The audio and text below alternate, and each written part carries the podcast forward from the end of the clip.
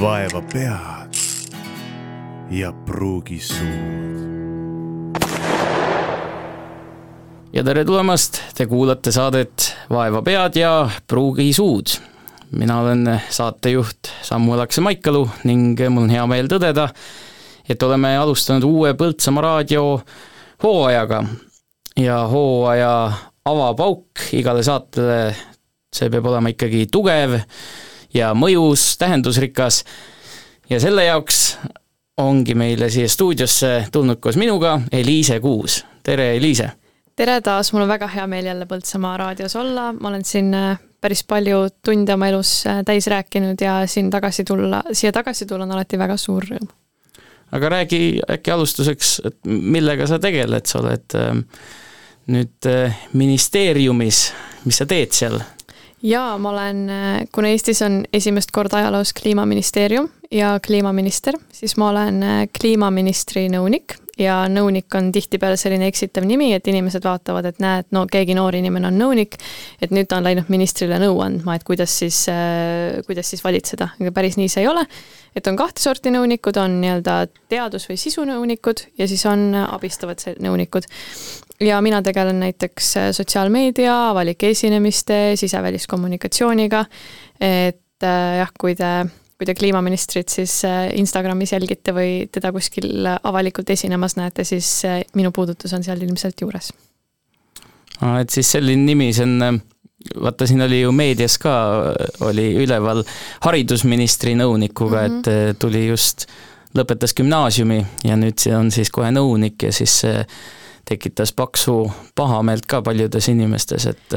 aga see ongi vist eksitav nimi, nagu sa ütlesid, et nõunik, see kõlab väga peenelt, et ma ei tea, kuningatel ja keisritel olid nõunikud kunagi, aga nüüd jah, et noh, et on igal pool nagu ametlikes dokumentides niimoodi märgitud ja noh, ongi, et kuna nõunik on eristiil, siis neid ei ole hakatud ka niimoodi otseselt äh, eristama. Ja nii palju veel, et minu arvates äh, Daniel, kes on siis Kristina Kallase nõunik, on, on kindlasti väga tubli ja, ja kindlasti seda ametit väga väärt, et et jah, et nõunikke on igat tüüpi, selles mõttes küll, jah aga kui ministeeriumite nimesid muudetakse, kas siis võiks selle ametikoha nime ka muuseas ära muuta või, või kuidas? no tehniliselt ma ikkagi nagu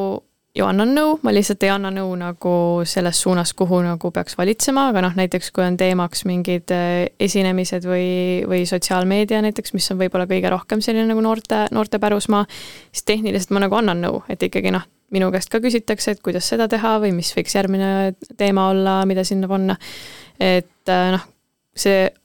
nojah, siin oli mingi teema, et kas see võiks olla nõunik või abi, aga noh, olgu nad siis kõik ühe nimega ja siis, kui selgitame, siis selgitame. nüüd, kui härra Kristen Michal poseerib kuskil fotol, siis annadki talle nõu, missuguse küljega ta peaks seal no kui, kui vaja, siis ikka. Aga üldiselt nad saavad päris hästi ise ka paljude asjadega hakkama, et selline abitiim on, on lihtsalt, äh, kuna noh, asju on laual palju, siis selline teretulnud iga, iga eluala peale midagi natuke tore kuulda, külauudised räägitud, kõik vanaemad ja vanaisad on informeeritud, aga milleks me siia kokku tulime täna, oli, et rääkida ühest teemast, nimelt tänane kuupäev, kus me seda saadet salvestame, on natuke aega varasem, kui see tegelikult eetrisse jõuab, täna on kahekümne teine juuni kaks tuhat kakskümmend kolm ning alles äh, mõne päeva eest langetas Riigikogu ühe otsuse, ta langetas muidugi palju otsuseid, äh, kuid see oli vist selline, mis pälvis kõige rohkem tähelepanu. ja nimelt äh, Riigikogu siis kiitis heaks uut, uue perekonnaseaduse eelnõu, kui see on nüüd korrektne väljendus. ja mida see siis endast kujutab, on see, et alates järgmise aasta algusest siis ei ole abielu institutsioon, mida saavad äh, siis omavahel sõlmida mees, üks mees ja üks naine, vaid lihtsalt kaks füüsilist ähm, isikut, oli see täpne kirjeldus? oli küll. jah. ja Eliise, mm, räägi siis natukene võib-olla, mis tundeid ja mõtteid see sinus tekitas sellel päeval, et paljud ütlesid, et see on ajalooline päev ma vaatasin korraks uudiseid ja siis, ja siis läksin, toimetasin kuskil porgandiaias edasi. jaa, äh, minu jaoks see on ka kindlasti väga ajalooline päev, minu väga-väga suure hulga sõprade, kui mitte et kõigi sõprade jaoks eh, on ka see ajalooline päev ja sellel päeval mul oli hommikul natuke rohkem vaba aega ja siis ma magasin natuke sisse ja siis mul oli vist üle pika aja üks vahvamaid ärkamisi, ma, ma ärkasin üles ja siis ma olin kaks minutit vist uudiseid või vaadanud või telefonis olnud, kui siis see Delfi teade tuli, et, et nüüd siis, nüüd siis tehti ära. et või noh, et hääletus, hääletus läks läbi. jah, et ja ma olen LGBT kogukonna toetaja ol, olnud ikkagi väga-väga pikalt ja üritanud, üritanud teha ka väga palju asju, mis on minu võimuses olnud. ma arvan, et, äh, et enda suurimaks nagu võib-olla selline, mis on kõige mõjukam, on see, et lihtsalt rääkida hästi palju end ümbritsevate inimestega, kes on nendest noh, tegelikult need teemad on paljudele inimestele võõrad ja tekitavad alguses küsimusi ja see on just täiesti normaalne. nagu see on väga okei okay,, et äh, maailm muutub ja mingid teemad tekitavad inimestes küsimusi ja neile küsimustele peab vastama. Neile küsimustele, mis, kui need küsimused on küsitud äh, viisakalt, rahumeelselt ja, ja soovist midagi teada saada, siis neile tuleb kindlasti vastata ja mina olen rääkinud väga erinevalt meelestatud inimestega ja ja siis eelkõige üritanudki inimestele selgeks teha, kes on küsinud, et äh, miks see on tegelikult oluline, normaalne, tavaline. ja noh, ma olen kirjutanud arvamuslugusid, rääkinud sellest noh, tõesti ikkagi võimalikult laiades ringides ja see oli kindlasti ka üks põhjustest, mis nagu veits kannustas mind poliitikasse minema ja üleüldse, mis on üks põhisõnumitest mul olnud ka, kui ma olen olnud poliitilises noorteorganisatsioonis näiteks, et see on nagu alati teema,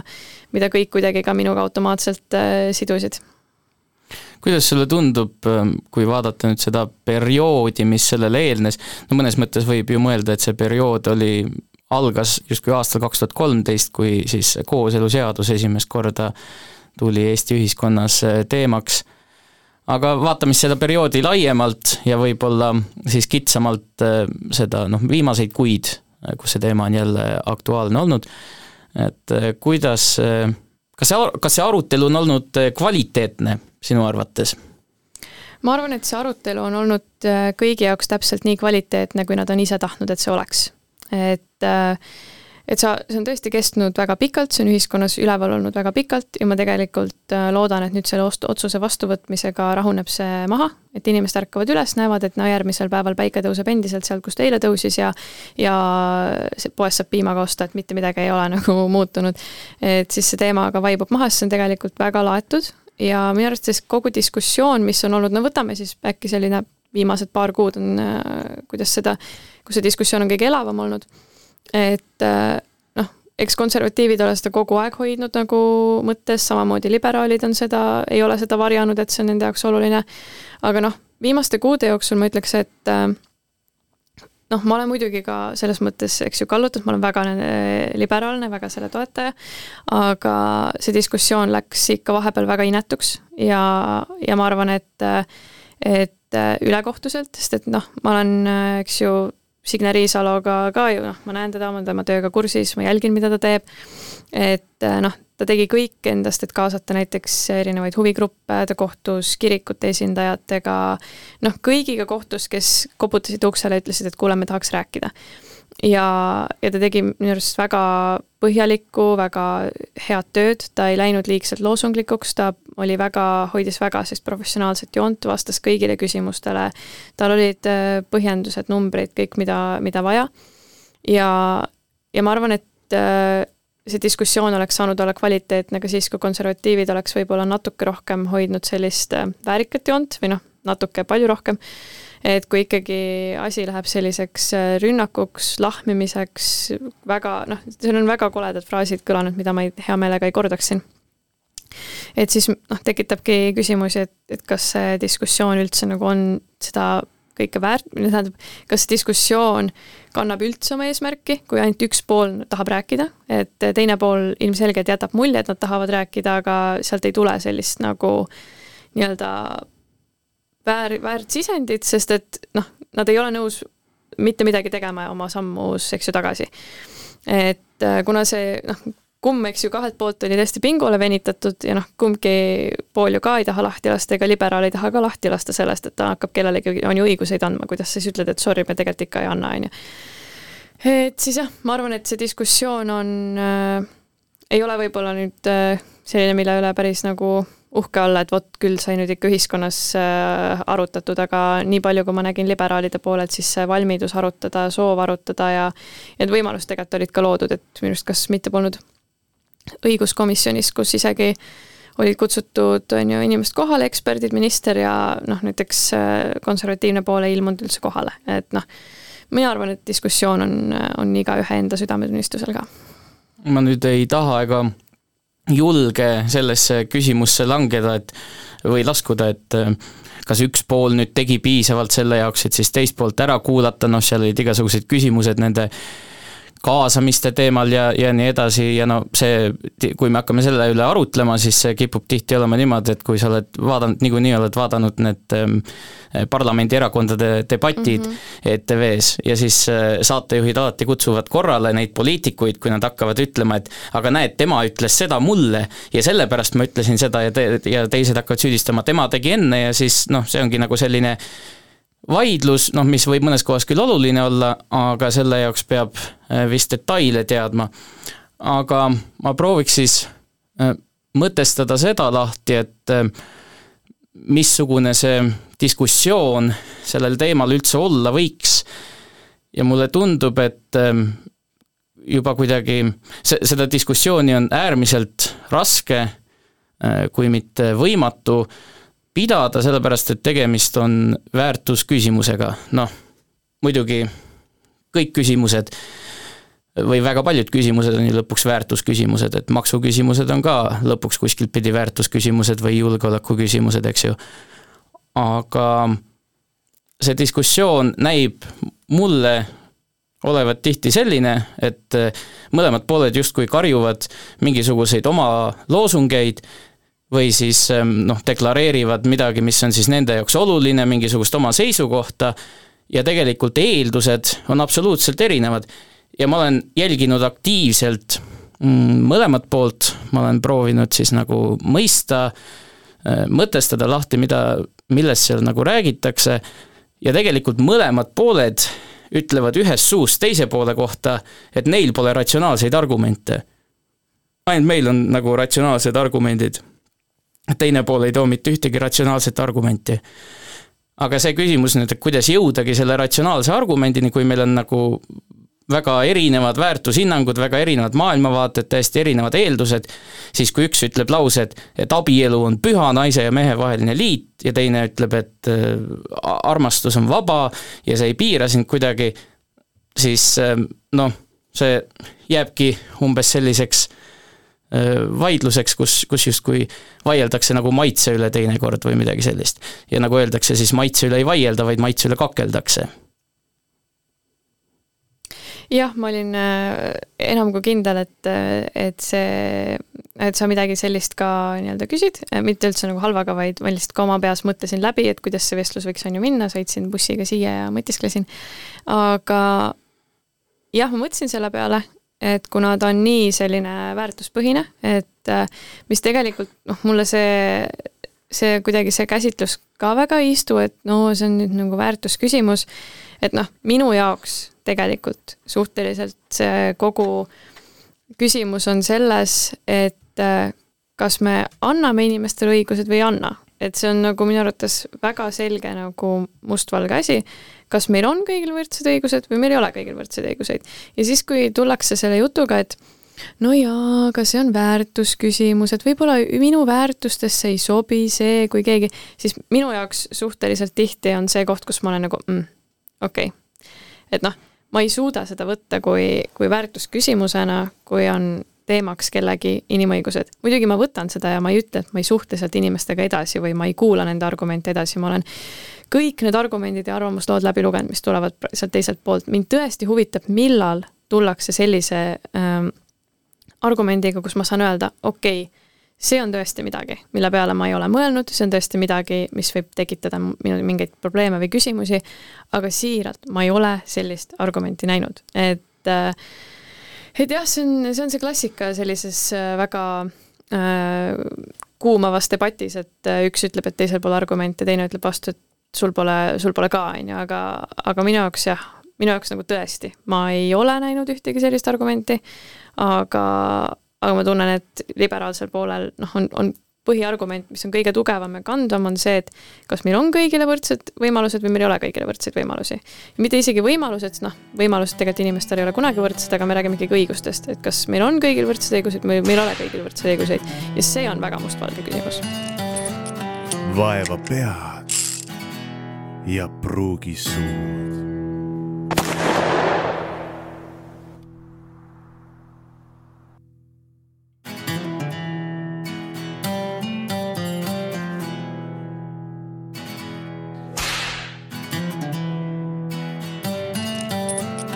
vaeva pead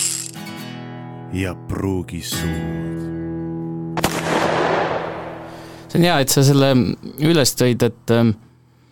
mulle tundub, et kui me kasutame sõna väärtused, siis me räägime juba erinevatest asjadest natukene. ja, ja, ja, ja, ja selles mõttes ma tabasin ära selle, et äh, sa tõid välja, et nagu teinekord osad konservatiivsemad inimesed siis ütlevadki, et noh, kui küsitakse, et mida sa Äh, nagu sellest justkui kaotad, äh, et siis kaks meest saavad ka omavahel abielluda ja siis nad ütlevad, et see pole minu väärtustega kooskõlas ja riik tambib mu väärtuste peal, peal. ja seal, sellega ma olen nagu isegi põhimõtteliselt nõus, et see ei ole nagu kuigi hea argument, et öelda lihtsalt midagi sellist, et teised ei tohi teha sellepärast, et mulle ei meeldi. mida ma mõtlesin selle väärtuse all, on see, et noh, sa, sa oled rohkem seal poliitikutega kokku puutunud ja poliitikamaailmas olnud ja võib-olla poliitikud kasutavadki tihti, see väärtus on justkui nagu mingisugune eraldi kategooria mingisugustest küsimustest, kuigi eh, sa noogutasid ka selle peale, kui ma ütlesin enne, et ka mingisugused julgeoleku ja maksuküsimused on lõpuks väärtusküsimused. noh, maailmavaatelised küsimused selles mõttes, et noh, jah. jah, noh, väärtused ongi ju noh mm -hmm., maailmavaatelised, eks ole. ja, ja väärtused ka võrdsus on väärtus, sa mainisid väärtust, ja ka tegelikult inimõiguste tunnistamine ja austamine, need on ka tegelikult väärtused. meie riigiõiguse professor õigusteaduskonnas Madis Ernits ütles meile esimesel semestril, et te olete ideoloogia kandjad. et öeldi, et kui Nõukogude Liit inimesi Siberisse küüditas, siis juristid olid ühtede esimeste seas. et noh, jurist peaks olema justkui see, kes on nagu hästi neutraalne ja objektiivne, aga tegelikult eh, noh, jurist kannab juba ka iseenesest mingisugust ideoloogiat või mingisugust väärtust, et kogu meie noh, õigussüsteem ja riigikord on mingisugustele nagu väärtustele üles ehitatud, selles mõttes. see on see, mida ma mõistan sõna väärtuse all ja mulle tundub, et seda kasutatakse võib-olla päevapoliitilises debatis tihti liiga kitsalt jah, jah, ja noh, siin on ka see, et, et äh, noh, sa tõid välja, et inimõigused, äh, nendega nagu arvestamine, see on ka mingi väärtusküsimus, et kas sinu väärtuseks on nagu kõigi inimõigustega arvestamine või ei ole, et äh, noh, isegi, et noh, okei okay,, võtame, võtame, see on tegelikult nagu sellest definitsioonist ta saab nii, nii tõlgendada, aga kuna inimõigus on minu jaoks nagu nii core või selline nagu põhiline tugev teema, et äh, et siis minu jaoks on lihtsalt nagu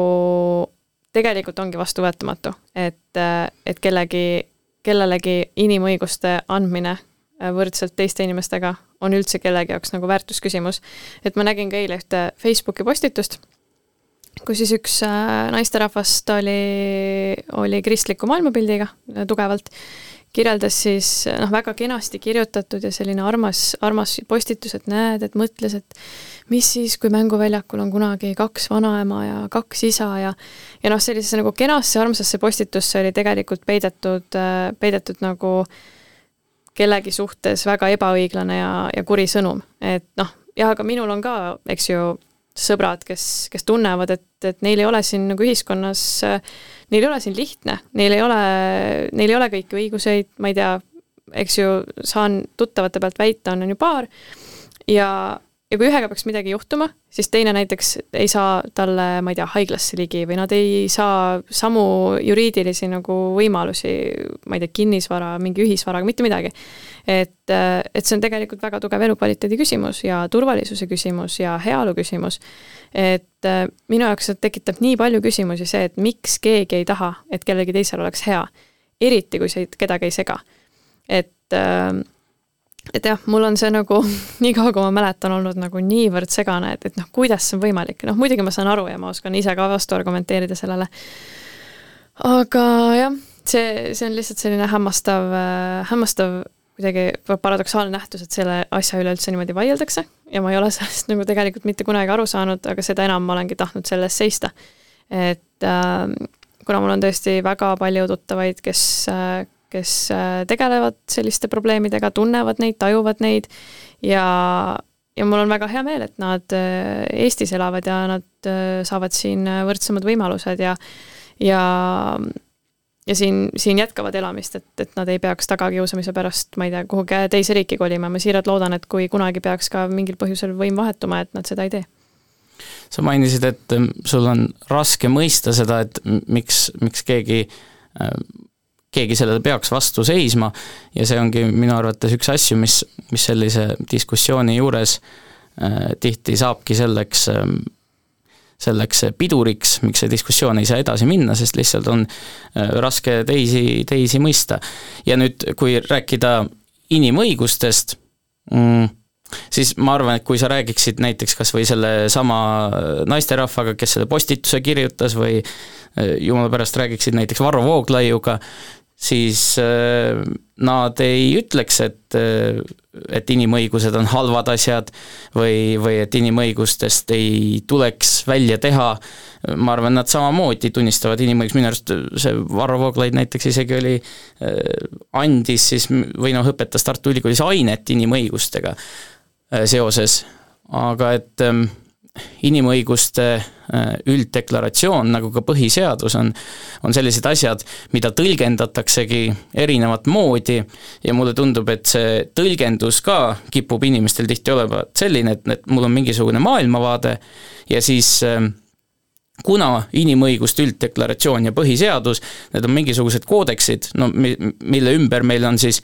äh, ühiskondlik kokkulepe, et, et me neid järgime, et me tunnistame neid, peame neid legitiimseteks, et äh, siis ma tõlgendangi seda äh, normistikku, põhiseadust või siis inimõiguste ülddeklaratsiooni sellisel moel, äh, nagu, nagu ma tahan. et see on umbes nagu, võib-olla et seda näidet natukene illustreerida, siis ka näiteks religioonides pühakirja tõlgendamine on selline äh, selline tegevus, et sul on tekst ja siis sul on erinevad tõlgendusmeetodid. ja siis inimesed, miks on näiteks äh, siinsamas kristluses, et kui on üks piibel kõigil, on ju, et miks siis äh, inimesed mõistavad seda erinevat moodi, sellepärast et kõigil on erinevad tõlgendused. ja kusjuures väga huvitav fakt on see, mida paljud inimesed ei teagi, on see, et juristid kasutavad teksti tõlgendamisel põhimõtteliselt samu tõlgendusmeetodeid, mida teoloogid nii et äh, needsamad koodeksid, et ma ei tea, kas see kuidagi nagu vastab su küsimusele või aitab sellele mõistmisele kaasa, et kui sa oligi, räägid inimõigustest? see oligi rohkem mul selline nagu retooriline küsimus, et mul on seda nagu nii-öelda, et äh, et noh, et raske mõista, et kuidas see võimalik, noh, ma olen ise selle peale väga palju mõelnud ja ja ma tegelikult, äh, ma ju mõistan neid, mida nad ütlevad ja ma saan nagu aru, kust see nende seisukoht tuleb ja ma nagu näen nende hirme, ma ma väga hästi saan aru nagu, kust need hirmud võivad tulla, kust need nagu noh, kõik sellised sega, segased mõtted, eks ju, võivad pärit olla. aga, aga noh, siin on nagu, siin on ka see küsimus, et, et noh, üks asi on see seaduse tõlgendamine, nagu sa rääkisid, aga aga teine, teine asi, mis mul kohe siit, siit kohe mõttena tuleb, on see, et, et miks kedagi peaks nagu isiklikult nii väga häirima see, et seadus kaitseb ka mingit teist inimest ja kui ta seda, selle inimesega ei pea kokku puutuma, ta ei pea teda nägema, noh, selles mõttes, et, et samamoodi, eks ju, seadus, põhiseadus kaitseb, kaitseb, on ju, rassi, erineva rassiüleselt kõiki. et noh, see on, see on umbes, see on minu arvates ka nagu veider, et, et, et ma ju noh, keegi võib valuta otsa, noh, eks muidugi neid inimesi on, aga aga sa ei peaks pead valutama sellepärast, et oi-oi, et need põhiseadused, mingid teised rassid said ka sellega kaitse, on ju, et noh, et et ja mõned teised perekonnad said ka ja no on suur tõenäosus, et teil on nii erinevad väärtusruumid, et sa ei puutu nendega kunagi kokku, parim, mis nad on, teevad, ma ei tea, nad maksavad sinuga samas riigis makse nagu, et noh, et et ähm, et lihtsalt kuidagi see, et, et miks on vastuvõetamatu inimestele see, et keegi kuskil elab oma korteris sinust kilomeeter eemal ja on, ja on lihtsalt palju-palju õnnelikum tänu sellele, et äh, üks äh, sõnastus on seaduses ära muudetud. et äh, ja noh, pealegi ikkagi liberaalne valitsus oli rahva tahe, nii et see on, enamus on ka otsustanud selle üle ma ei tea, kas ma julgeks seda niimoodi sõnastada, et, et, et need inimesed nagu kuidagi omavahel kokku ei puutu, ühiskonnas me paratamatult kõik oleme mingis mõttes nagu seotud, et no ma ei tea. jaa mingi..., muidugi kindlasti, noh seda ma nagu üritangi väita, et ma ei tea, need lapsed ma, ma tahan toetada su mõttekäiku kusjuures ühe selle mm, -hmm. et kui, kui nagu teistpidi vaadata seda juriidiliselt või või mõeldagi just nende õiguste peale, põhiõiguste ja vabaduste peale, siis äh, üks vabaduse põhimõtteid on see, millega ka tegelikult valdav osa Eesti inimesi, vaatamata sellele, kas nad on progressiivsemad või konservatiivsemad, on nõus, on see, et ähm, minu vabadus lõpeb täpselt seal, kus teiste vabadused äh, algavad. ja see on selline päris hea põhimõte ja mille jaoks ta üldse tarvilik on, ongi sellepärast, sest äh, meil elamegi pluralistlikus ühiskonnas, kus sul ongi nii geid kui ka kristlased,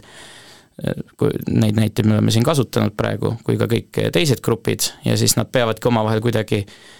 ähm, eksisteerima samal ajal ühes ühiskonnas, vastu pidama jah, et mina ei ole kristlane, ma olen äh, suhteliselt äh, ateistlik äh, inimene ja ja mind näiteks absoluutselt ei sega, et, et kellelgi on usuvabadus ja et keegi käib kirikus ja keegi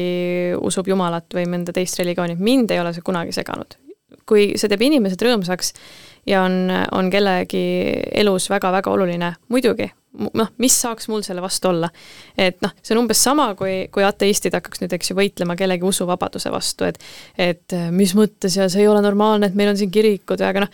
see, see ei noh, kuidagi mind nii nagu lihtsalt äh, segab selline äh, teiste inimeste eraellu nagu brutaalselt niimoodi sekkumine, asi, kui asi puutub lihtsalt äh, ühe paragrahvi sõnastusse, mis lihtsalt annab ühele inimgrupile juurde täpselt selle, mis sul on ja neil ei ole. et see taandub minu meelest sinnamaani välja, et lihtsalt kaks sõna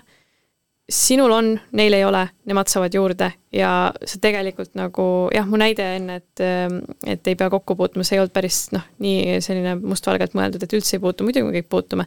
aga noh, just sellest seisukohast, et tegelikult see, et nüüd see seadus on muutunud, ega need paare sellest rohkem ei tule, ega need paarid sellest ära ei kao, need paarid lihtsalt saavad needsamad äh, samad õigused äh, abielule. ja, ja see ei hakka te tegelikult kuidagi nagu segama või rolli mängima, ma ei tea, näiteks mõne totaalse konservatiivi või kristlase elus. et tal on jah, see teadmine, et kuskil on need paarid, kes nüüd andsid allkirja ka paberile, aga see tegelikult ju ei mõjuta mitte kuidagi. jah, et see ongi see printsiip, mis on vabaduse printsiip, see on liberaalne printsiip, mis on ka meie selle liberaalse demokraatia üheks alustalaks, et minu vabadused lõpevad seal, Äh, kus siis teiste vabadused algavad, et või noh, see ongi see piir, kuhumaani siis, kust võib hakata minu vabadusi piirama. aga siin on nüüd aga koht on minu arvates see, et ma ei tea maailmas ühtegi riiki, kes seda printsiipi sajaprotsendiliselt jäl-, jäl-, jälgiks. et äh, kõik riigid on vastu võtnud mingisuguseid seadusi, äh, kus nad siis piiravad inimese vabadust, millega ta esmalt ja otseselt kahjustaks ainult iseennast, no võtame mingisuguseid näiteid, noh, narkootikumid on näiteks sellised, on ju. et ma võiks ju öelda ja paljud inimesed ütlevadki, et eh, keda see häirib, kui mina siin heroiini eh, endale süstin, et mis see nagu teie asi on, see on minu enda asi, mida ma oma kehaga teen. või noh, kas või see on ju ka tegelikult piiravad meetodid alkoholile ja tubakale, on aktsiisid ja see kümnest kümneni alkoholi eh, ostmise keeld jaa, aga minu arvates see on natukene nagu ebaeetiline võrdlus, et võrrelda seda, et keegi tahab heroiini paugutada sellega, et äh, keegi tahab reaalselt nagu kellegagi abielluda või, või koos elada või ma ei tea, ühist kinnisvara osta, vara jagada. et, et noh, et äh, et mul on alati kuidagi mõelnud, et, et kui sellised diskussioonid või, või asjad aset leiavad, kus noh, ma praegu ei ürita väita, et sina oled kuidagi nagu teisel pool, minu jaoks sa oled väga objektiivne, väga neutraalne isik, aga noh, ma niimoodi hüpoteetilist, et kui näiteks noh, keegi võib-olla, kes kuulab ja on varem mõelnud selle peale või teab kedagi, kes on, on abieluvõrdsuse vastu, et siis ma olen alati mõelnud, et, et huvitav, et et kui see inimene kujutaks ette, et ta istub kuskil ruumis ja, ja seal ruumis, eks ju, kuulab neid ka see inimene, kellel neid õiguseid ei ole et äh, mis tundega ta nagu selliseid näiteid tooks või, või enda seisukohti väljendaks, kui ta näeb seal nagu täiesti tavalist tubli inimest, auväärt, on ju, ametiga, elab oma elu, naudib oma elu, armastab oma kaaslast, et ja siis noh, ta otsib umbes nagu põhjuseid, et miks ta peaks äh, teda, tema eluviisi heaks arvama või mitte või kas ta peaks, et noh, see on minu arvates natuke kohtlane olukord, et et neid näiteid, need näited lähevad minu arvates tihti kuidagi ebaeetiliseks, mis äh, ei ole enam inimesi väärtustavad. vaeva pead ja pruugi suud.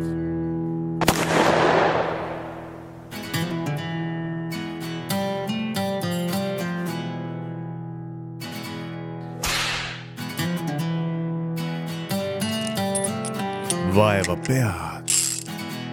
ja pruugisuud.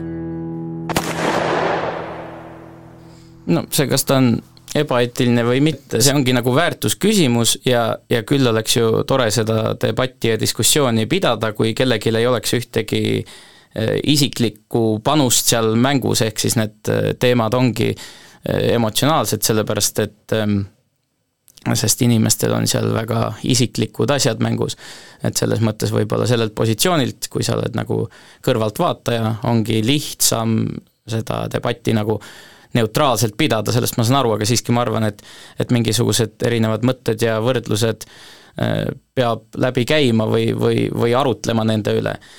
ja, ja kui ma nüüd tulen selle pointi juurde tagasi, et et mis olukordades ei järgita seda printsiipi absoluutselt, et minu vabadused lõpevad just selles kohas ja mitte sentimeetritki lähemal, kui sealt, kus teiste vabadused algavad, on see, et kus ühiskond otsustab, et on mingisugused teised väärtused, mis on niivõrd olulised, et selleks me siis piirame ka või kuidagi seda, kui, mida inimesed nagu iseendaga teevad või inimese isikuvabadusi ja antud juhul, miks siis näiteks narkootikumid on keelatud või siis äh, alkoholi ja tubaka äh, kaubandust pärsitakse riiklike meetoditega, et selle põhjuseks on inimeste tervis eeskätt, eks, ehk justkui nagu riik ütleb, äh, ütleb inimestele seda, et sa ei tea, mida sa teed oma kehaga mingites olukordades, et me oleme sinust natukene targemad, las me nüüd ütleme sulle, mida me teeme. aga teistpidi, sellel on ju ka noh, sotsiaalsed mõjud nende inimeste vahetule ümbrusele, perekondadele, mida see kõik endaga kaasa toob, noh, koduvägivald ja nii edasi ja, ja no muidugi mingisugune rahaline kahju tervishoiusüsteemile, et, et noh, see on üks selline näide. ja eks neid näiteid on igasuguseid veel aga kui mõeldagi, et noh, mis asi see abielu üldse on, et noh, ta on ju mingisugune riiklik tunnustus, mis antakse inimestele, et, et meil ei ole ühtegi sellist mm, piiravat seadust, mis keelaks kuidagi inimestel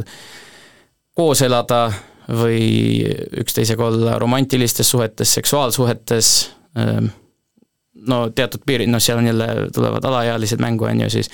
siis sealt kohast on see piiratud jälle äh, lastekaitse äh, põhimõtte pärast, kuid ähm, näiteks äh, kas, kui, kui ma nüüd sinu käest niimoodi küsin, et et kas kolm inimest võiksid üksteisega sinu arvates abielluda, sest seal noh, vähemalt kui seda liberaalset põhimõtet nagu järgida, et mind nad ju kuidagi nagu sellega ei puuduta, siis, ähm, siis miks mitte? Ma arvan, et see algab sellest, kui suur on, on no minu isiklik, mina toetan kahe inimese vahelisi suhteid ja, ja ja siin noh, lihtsalt disclaimer'iks on ju, et, et ei oleks kohe, et no nüüd nad tahavad kolmekesi ja viiekesi ja ma ei tea, kitsedega, et noh, need on need alati need mingid argumendid, mis tulevad. aga äkki aga, ma tahangi aga... kuulda ja ei tea, vaata see, ma olen sellist kavalat juttu ajanud siin ümber nurga kogu aeg. et, et minu noh, minu arvates on, on siin kohe see küsimus, et, et äh, mis seda,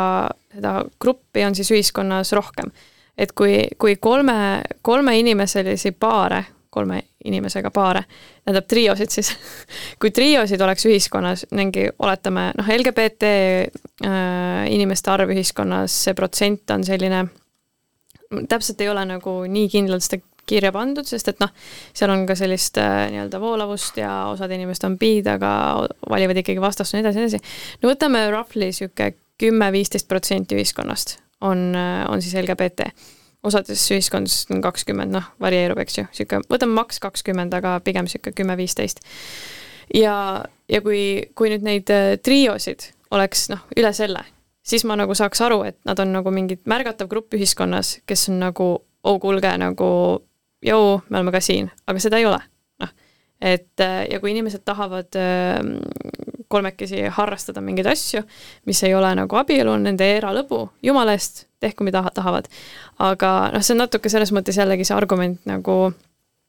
lõpeb minu jaoks täpselt selles kohas, et, et see ei ole nagu mingi asi, mis on nagu nii iseenesestmõistetav, aga, aga lihtsalt küsimus on noh, ikkagi, kui me läheme sinna kahe inimese juurde tagasi, et siis kaks inimest on nagu, see on nagu kõige basic um läbi ajaloo, et on kaks inimest, äh, eks ju, siis selles suhtes. ja, ja noh, LGBT-d on ühiskonnas täpselt nii palju rohkem, et neil on väga suur, äh, suur mõju ja, ja protsent. no mitte väga suur, aga selline arvestatav. aga siin tulebki minu jaoks nagu jälle see küsimus, et et kui on äh, see abielu mõiste, et siis mitte keegi ei saa sellest nii-öelda nagu teisest rohkem. et see nagu ühtlustatakse, mitte ei anta rohkem. et aga ne, see kolmene, kolmene värk ja kõik need kitsed ja mis iganes seal Riigikogu saalis on kõlanud, on ju, ja mida inimesed armastavad näiteks tuua, on juba täiesti eraldi, eraldi klass. et ähm, ja noh, see läheb ikkagi nagu minu arust nii palju juba kõrvale sellest nii-öelda klassikalisest, aga noh, äh, kahe samast soost inimese vahelised suhted lähevad ajaloos nagu väga-väga-väga-väga-väga palju aega tagasi. ja, ja see on nii-öelda niisugune nagu minu jaoks on, ma olen seda uurinud ka, see on, see on tõesti kogu ajaloo väldanud, lihtsalt nagu osades ühiskondades on seda hakatud, hakatud siis on ju taunima ja, ja karistama, aga noh, kui seal kõrval oleks tõesti see, see kolmikud oleks vot nii sama palju represented ja nagu nii teemas, siis noh, ma saan aru, et see tekitaks on ju küsimusi, kui neid oleks tõesti ühiskonnas mingi kakskümmend viis protsenti, siis nad tulevad ja ütlevad, et kuulge, et et meid kõiki on siin nii palju, aga noh, see on asi, mida ei juhtu, see on jälle nagu selline mingi hüpoteetiline, et jaa, aga nüüd näed, kui ma tahan mingi oma autoga abielluda, mis siis saab, et noh, see läheb nagu sinna absurdikomöödiasse, kus inimesed hakkavad nagu emotsiooni pealt mingeid veidraid argumente laduma lihtsalt sellepärast, et nagu vastaspoolt nii-öelda kokku jooksutada et siis noh, umbes, et oh, kuidas sa siis ütled liberaalina, et ma ei või oma autoga abielluda, aga noh, minu arvates see argument täpselt sama nagu see on, see on veits, noh, see on nii tühi, sest et äh,, sest et ühel, ühel, ühest küljest me räägime nagu läbi, läbi kogu inimajaloo väldanud mingisugusest äh, nähtusest, protsessist, on ju, et kus lihtsalt äh, osad äh, inimesed tunnevad äh, tõmmet äh, teise soo vastu ja osad siis vastassoo vastu ja ja siin lihtsalt on, teemaks on nagu õiguste võrdsustamine. ma saan, täiesti aru pahameelest, kui siin tekiks olukord, et mehed ja naised saavad abielluda, aga LGBT saab abielluda ja midagi veel lisaks. ja siis selle midagi veel lisaks osas, et noh, kui kellelegi antaks silmnähtavalt rohkem juurde, aga praegu on meil nagu varem, tähendab, oli, nüüd on õnneks, nüüd on õnneks meil siin kõik õigused võrdsustatud, aga noh, varem on ju olnud selline olukord, kus ühtedel on, on plokk rohkem peal aga, aga miks, et, et jah, miks see ajab inimesed nii närvi, kui see nii-öelda ära ühtlustada. et äh, ma tõesti, ma mõistaks seda poleemikat lihtsalt nii palju paremini ja, ja ma räägiks sellest ilmselt teise nurga alt, kui keegi saaks mingi portsu asju veel endale peale. aga siin käib jutt õiguste võrdsustamisest, seega noh, ma ikkagi ei saa aru, saa aru nagu äh, et miks nende mingite sür-, sürargumentidega kõik kohe nagu letti lendavad, et, et see ei ole nagu mingisugune isegi mingi suur esindatud grupp ühiskonnas, mis iganes sinna tuuakse neid kolme-nelja-viielisi, on ju. et see on pigem selline niisugune hall ala, aga noh, kahe, kahe inimese vahelised suhted, olenemata soost, on olnud nagu nii kaua need on kogu aeg siin. ja ükskõik, kas abieluvõrdsus on või ei ole, nagu need jäävad alati olema, aga see abieluvõrdsus on lihtsalt neile nii palju-palju abistav asjaolu. Mulle meeldivad väga need kaks mõtet, mis sa tõid, et üks oli selline argument, mis siis puudutas seda abielu olemust, et kuidas ta on kahe inimese vahel ja teine oli siis see, et et minu teada selliseid inimesi nimetatakse polüamoorseteks mm, -hmm, vist küll, jah. ja kes siis soovivad äh, rohkem kui kahekesi äh, omavahel. polügaamia on selle nimi, jah ja siis, kui on kaks inimest, on polügaamia on isegi natukene äh, teine asi minu arust, see on, see on minu arust see ähm, ajaloo jooksul väga levinud praktika kusjuures, mis on siis olnud mitme naise pidamine. Ja see on olnud äärmiselt paljudes kultuurides niimoodi, kusjuures geneetikud väidavad isegi seda, see on, see on nüüd lihtsalt huvitav fakt, et geneetikud väidavad isegi seda, et meil on äh, kaks korda rohkem naisesivanemaid kui meesesivanemaid. ja see tundub alguses segane, aga kui hakata paberil välja joonistama, kujutage ette, et mehi ja naisi sünnib ikka fifty-fifty äh, ja tehke, joonistage see joonis siis niimoodi, et äh, üks mees võtab sealt omale kaks naist ja teine mees jääb hoopis kõikidest naistest ilma. ja siis äh, see väga hästi joonistub välja, kui te juba sinna mitu põlvkonda ära joonistate, ehk siis mitme naise pidamine on väga mm, levinud praktika olnud ja kusjuures, miks mulle meeldis, et sa seda ütlesid, sest see on ju täpselt põhimõtte, põhimõtte poolest on ta ju sama argument, mida kasutab konservatiivne inimene, kui ta kaitseb äh, seda abielu, no praegust versiooni veel abielus siis. Et kui ta, kuidas ta põhjendab seda, et miks kaks samast soost inimest ei tohi abielluda, sest läbi ajaloo on olnud mees ja naine ja no tegelikult minu hinnangul äh, selline argumentatsioon on niikuinii äh, problemaatiline, et kui leida ajaloost mingisuguseid asju, äh, sa leiad sealt nähtusi, kirjeldad, kuidas miski on, siis sealt ei saa tõmmata automaatselt järeldust sellesse kohta, et kuidas asjad peaksid olema niikuinii. see on selline tore asi nagu Hume'i proovikivi, ähm, kui kuulaja soovib selle kohta näiteks guugeldada. aga mõistad seda irooniat natukene, et see on, mulle tundub vähemalt põhimõttelt samasugune äh, argument, mida kasutab äh, siis praeguses olukorras konservatiiv ja see teine asi, mis sa ütlesid, et ähm, kuna LGBTQ pluss on suurem vähemus, et siis tema justkui vajab rohkem seda kaitset, aga nüüd mul tuleb meelde selline tsitaat sotsiaalkaitseminister Signe Riisalult, kui ma ei eksi, siis ta kas ütles seda, kui ta vestles Urmas Viilmaaga äh, kuskil seal Delfi saates ja ütles sellise mõtte välja, et et mida väiksem on vähemus, seda rohkem ta kaitset vajab. Jah, selles mõttes, et, et see on, see on jällegi selline tsitaadipõhine, et aga, aga noh, siin rääkides lihtsalt puhtalt sellest, et noh, tegelikult ja see on põhimõte, et noh, mida väiksem vähemus ja, on, seda vähem ta suudab iseennast kaitsta. kui sa ütlesid, et noh, viisteist protsenti inimesi, see on juba tegelikult tugev jõud, kes suudab noh, kas või näiteks valimistel ju ühiskondlikke protsesse väga tugevalt pöörata ühes või teises suunas, et sul ei tihti ei lähegi vaja viitekümmet ühte protsenti selleks. vaeva pead ja pruugi suud.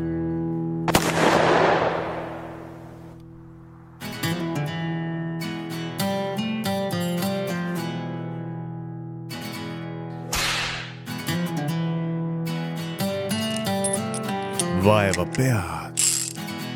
ja pruugisuud. et kas sa näed, et ähm, seda irooniat, et äh, kui ma sind kuulasin, siis, äh, siis oli isegi noh, nagu täitsa selline konservatiivi jutt tuli sealt isegi, et sa vaatasid ajalukku tagasi, et milline see abielu institutsioon on olnud ja tuginesidki sellisele ajaloolisele argumendile justkui jah, selles mõttes, et ega, ega minu arvates konservatism kui selline ei ole oma olemuselt midagi halba. Aga lihtsalt tihti, kui mina iseenda väärtuspaketis hakkan äh, konservatiivsuse sisse vaatama, siis sealt vastava, vaatavad äh, väga tihti vastu naiste õiguste kuidagi allasurumised, naiste valikuvabaduste allasurumised, vähemuste, vähemustega mittearvestamine, et, et noh, et see konservatiivsus minu jaoks tihti ei kanna seda, seda üllast missiooni ja kui seal natuke sinna sisse vaadata, siis see paljudel võib töötada ja väga paljudele sobida, aga paljusid inimesi ka see tegelikult äh, takistab ja hoiab tagasi. ja noh, kui konservatiivsus ei oleks äh, nii tugevalt äh, sealt ei paistaks mingeid ebavõrdsuse või, või osade inimeste väheste valikute kõrvu, siis ma arvan, et see oleks äh, ka rohkematele inimestele kuidagi nii-öelda kõlbulik või sobiv. ja näiteks mina, mina ise nagu, ma ei tea, ma olen äh, hetero, ma hea meelega kunagi veedaks aega, ma ei tea, lapsega koduselt, koduse emana mõned aastad, on ju, et noh, väga konservatiivne, selles mõttes nagu, kes tahab öelda, see on konservatiivne seisukoht, on ju, klassikaline, klassikaline mingi pereolukord, et ma hea meelega teeksin, teen süüa ja, ja hoolitsen kodu eest, on ju, aga aga ma tean, et liberaalses äh, ühiskonnas, liberaalse maailmavaate järgi mul on täpselt sama normaalne otsustada ka vastupidi. ja, ja noh, ma tahakski, et kõigil naistel oleks äh, ja noh, üldse kõigil inimestel on see vab-, valikuvabadus, et otsustada, samamoodi meestel. et meestel ei ole survet näiteks äh, minna tööle, kui ta tahab olla olla lapsega kodus ja naistega, eks ju, samamoodi, aga et ma tunnen lihtsalt, et see konservatiivsus nagu teeb ainult selle ühe normiks aga teisi nii väga ei võimalda, aga liberaalsus võimaldab nagu sul mõlemat, et sa võid olla nii-öelda töötav ema või kodune ema ja noh, sul on kõik need piirid on, on lahti, sul on kõik need võimalused on olemas, vabad ja keegi ei diskrimineeri sind selle eest. no sõna konservatiivsus, see ju tegelikult tähendab erinevates ühiskondades, erinevatel ajahetkedel väga erinevaid asju ja et mille suhtes ollakse konservatiivsed. minu üks lemmikuid äh, tsitaate on äh, GK Chestertonilt, selline tore härrasmees eelmisest sajandist, kes kusjuures kirjutas, inimesed on ETV pealt vaadanud seda isa Browni, vot on selle isa Browni ka kusjuures kirjutanud. aga temalt pärineb siis selline tore mõte, et äh, talle tundub, et äh, tänane maailm, ehk siis seda ta pani juba tähele kahekümnendal sajandil, on jaganud ennast progressiivideks ja konservatiivideks ja progressiivide teema on see, et nad teevad äh, võimalikult kiiresti ja, ja niimoodi võimalikult robustselt uusi suuri vigu ja konservatiivide teema on siis see, et nad hakkavad mingil hetkel neid vigu kaitsma, et keegi neid jumala eest ära ei parandaks või ei muudaks. ja selles mõttes, et kui me nüüd tuleme selle mõtte juurde tagasi, et kus ma rääkisin sellest, et kas ka kolm inimest võiks abielluda ja siis sa kasutasidki justkui sellist konservatiivset argumenti selle kaitsel, et küsimus ongi, et kuhu me selle piiri tõmbame. et see on justkui isegi niimoodi, et noh,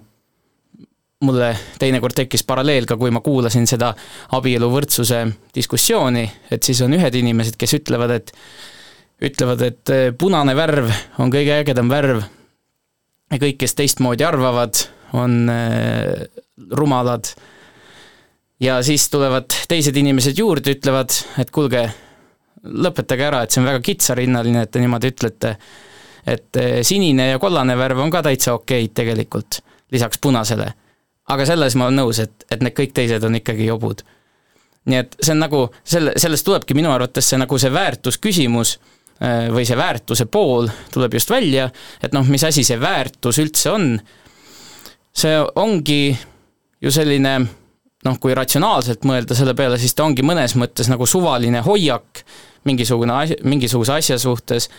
et mida sa pead õigeks, mida sa, mida mitte, et see on nagu kohati isegi tihti selline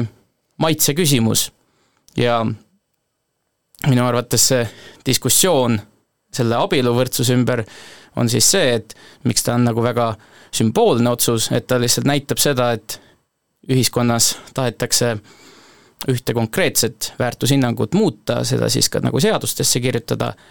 aga see printsiip, et minu vabadused lõpevad täpselt selles kohas, kus teiste vabadused algavad ja see ongi see vabaduste määratlus, no see ei ole ikkagi absoluutne ja täpselt sama mõtet või argumenti, et kuidas see sind nagu kahjustab kui teised midagi teevad, kui kolm inimest omavahel abielluvad, noh, seda saab ka see sellisel, sellisel juhul kasutada, noh, sa näed, kuhu, mis, mis see, kuida-, milline see mõttekäik välja näeb. Ja ikka ja noh, eks selliseid mõttekäike ole varem olnud ja me sellest ka enne rääkisime, et see on natuke nii-öelda nagu võib-olla niisugune täisring äh, sinna, kus me veidi olime, aga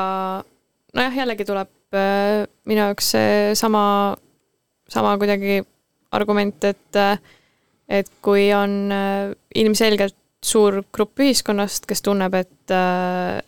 või noh, mitte lihtsalt ei tunne, vaid nagu neil ongi Äh, neil ei ole võrdseid äh, õiguseid, eks ju, teise suure grupiga ühiskonnas ja need õigused lihtsalt ära võrdsustatakse, et noh, siis ma ei näe selles nagu mitte midagi sellist, ma ei tea, kontroversiaalset või, või hullusti ime, imetabast või midagi, mida ei peaks juhtuma. et äh,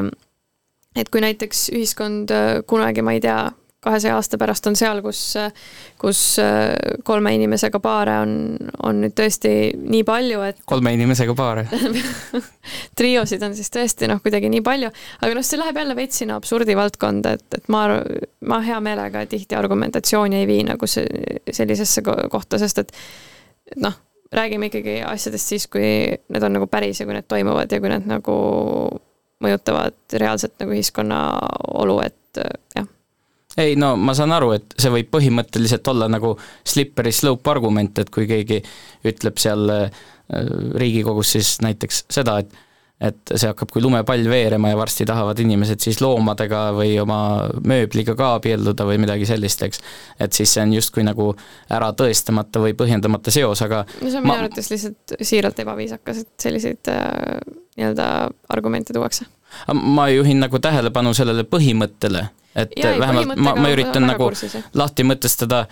sedasama põhimõtet, et kust minu vabadused algavad ja kust need eh, siis nagu lõpevad ja see on olnud ka üks siis väga äh, keskne argument just eh, selle abieluvõrdsuse kaitseks. nii et ähm, noh, mulle tundub, et see on ikkagi siis lõpuks, lõppude lõpuks nagu maitse küsimus või niimoodi. et, et, et sa oled mitu korda, oled tähele pannud meie vestluse jooksul, et ma ei ole vist peaaegu üldse kasutanud äh, sõna või sellist väljendit, et minu arvates on miski ebaeetiline või midagi sellist, et ma olen proovinud analüüsida äh, justkui selline hingetud õbras, kellel ei ole mitte ühtegi seisukohta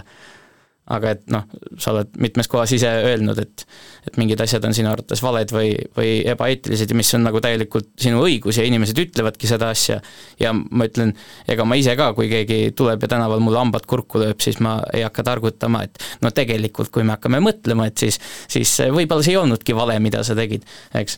aga et siis abieluvõrdsuse pooldajad on tihti toonud seda argumenti niimoodi välja, et et äh, see minu isiklik vabadus on absoluutne sinnamaani, kuni äh, kus siis nagu see teiste vabadusi otseselt äh, kuidagi riivab, aga see mu kogu jutu mõte seisneski selles, et see ei ole niikuinii absoluutne põhimõte, vaid see on nagu ühiskonna väärtushinnangute küsimus,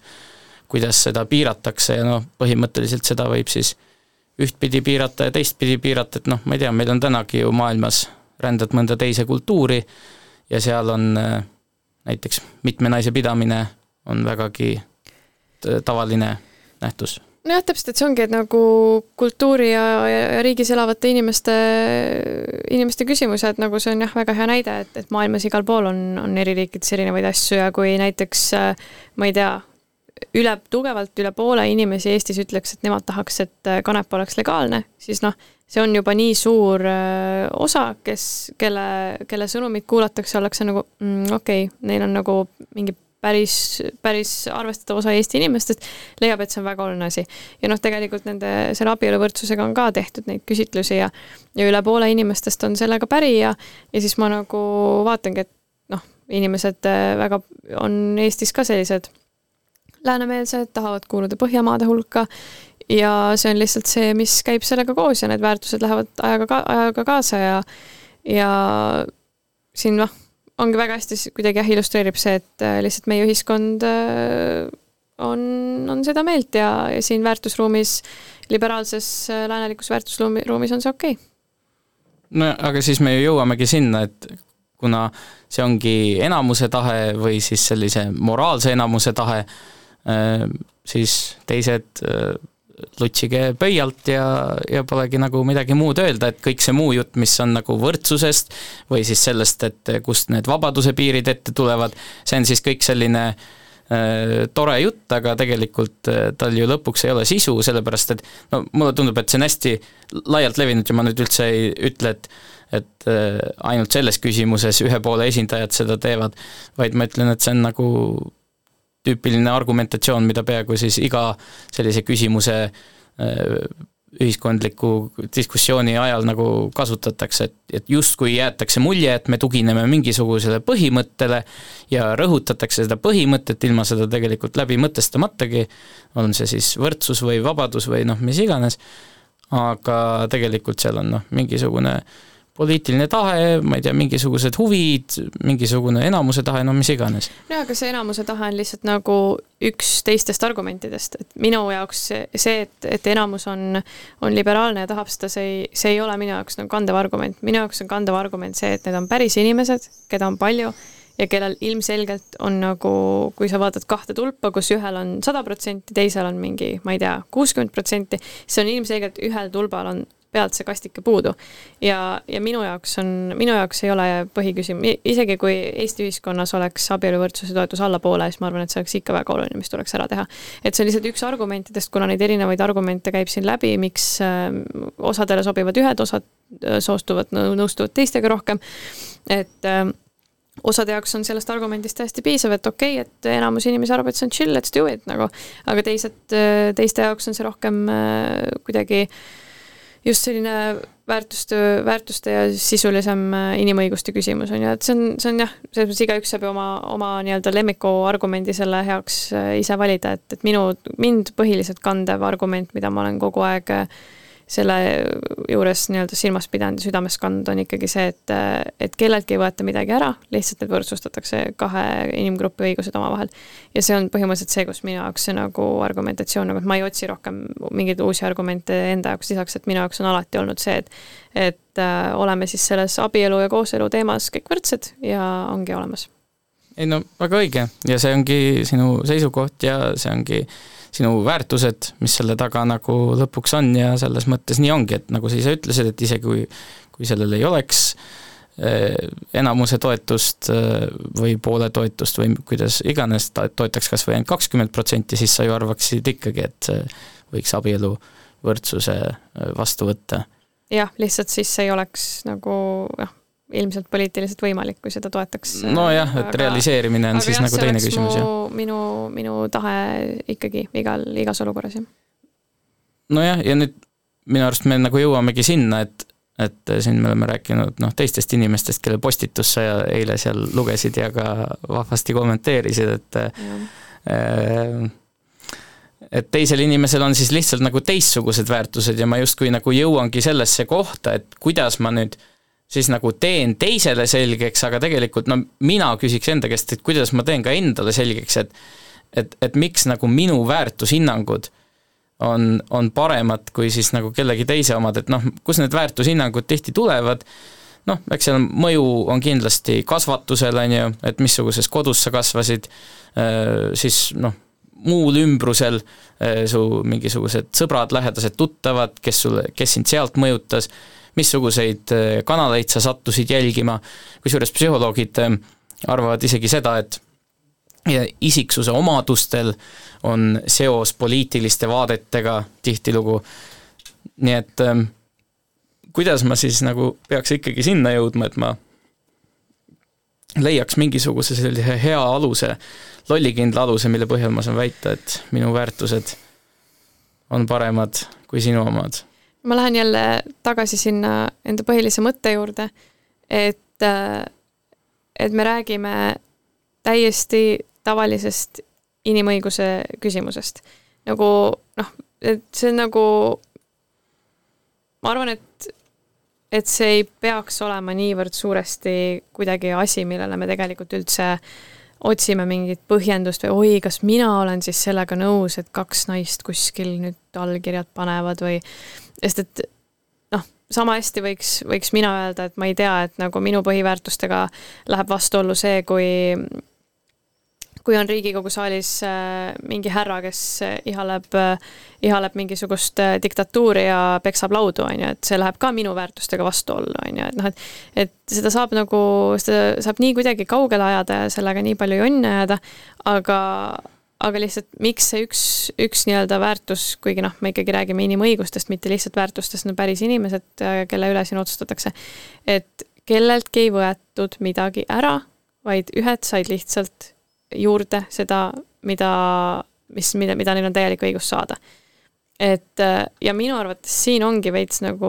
see koht, kus see juba võiks ideaalis inimesele ära põhjendada. et ma täiesti saan aru, kui kelleltki oleks tõesti võetud midagi vähemaks. et noh, mees ja naine ei saa abielluda või midagi. ja siis ma oleks nagu okei okay,, see pahameel on ülipõhjendatud aga öelda, et kuidagi, et oo oh,, see on ju väärtusküsimus ja, ja siis selle nagu najal miskipärast nagu inimõigused, inimõigustele nagu kuidagi neist mööda vaadata, on, minu arvates ei ole lihtsalt okei. Okay.. no ma jään siin siis selles mõttes eriarvamusele, et et ega see, kuidas me inimõigusi näeme, tõlgendame ja, ja kuidas need peaksid siis äh, nagu praktikas teostuma, et sest et see... sinu väärtused jäävad ju sulle ikkagi alles. Sest et noh, kui mina näiteks, äh, minu põhiväärtus ei ole, ei ole, oletame, Äh, kristluse järgi elamine, siis mina ikkagi, kui põhiseadus kaitseb usuvabadust, siis ma ikkagi austan ja tunnustan, et on inimesed, kellel on usuvabadus, kes tahavad uskuda, palvetada, käia kirikus, mida iganes, no minu jaoks on täiesti okei. Okay.. et miks siis nagu kui mina, eks ju, kui su suur hulk inimesi suudab nagu aktsepteerida seda, et kellelgi on ka mingid vabadused, et miks siis justkui üks grupp ei suuda aktsepteerida omakorda, et kellelgi teisel on siis, on siis mingid vabadused, et et äh, jah. vaeva pead ja pruugi suud.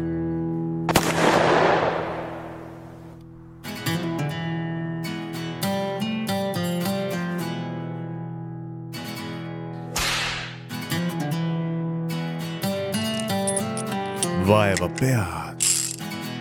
ja pruugi suud ei no mu point on selles, et, et väärtused ongi inimesel niivõrd olulised asjad ja et me tahame, et nende väärtuste järgi juhitaks ka seda riiki. et see ei ole ainult mingisugune individuaalne asi, miski, mida ma tunnen enda sees ja oma väikses elus tahan teha,